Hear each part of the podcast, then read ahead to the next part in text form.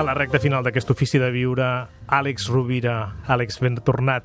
Hola, Gaspar. Avui parlant de la presència, un concepte que, que sortia l'altre dia i que ens va quedar pendent d'aprofundir-hi, perquè per presència podem entendre moltes coses, no?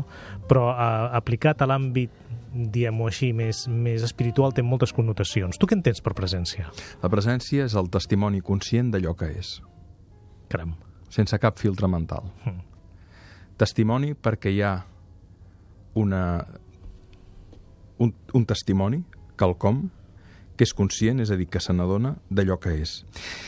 I no cal confondre la presència amb la interpretació que sorgeix a ulteriori d'allò que presencies, on hi ha una interferència mental. Per això ho lligàvem l'altre dia amb, amb el fet de donar-nos del nostre cos, de la sensorialitat, del sentit, dels sentits, eh, és tan important per evitar que l'energia cada vegada es dissipa en processos psíquics o emocionals estèrils, eh, s'estalviï i ens retorni eh, el testimoni conscient d'allò que és, sense cap judici, sense cap valoració. Deixar-nos atravessar per la vida. És com si la vida passés a través nostra. Però no, ja, no hi ha un jo-idea que jutja, avalua, planifica, especula. No. La presència no és especulativa.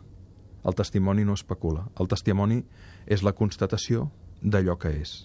Després ja li donarem un sentit, una narració, un significat, una valoració, una connotació. Però la presència és constatar allò que és. I quan la presència no està condicionada, emergeix naturalment l'emoció de la sorpresa, l'emoció del goig, um, i tots aquells estats que eh, en realitat es defineixen com alterats, alterats de consciència no ho són, són el que hauria de ser. El que és alterat és tot el que afegim en el procés de la presència.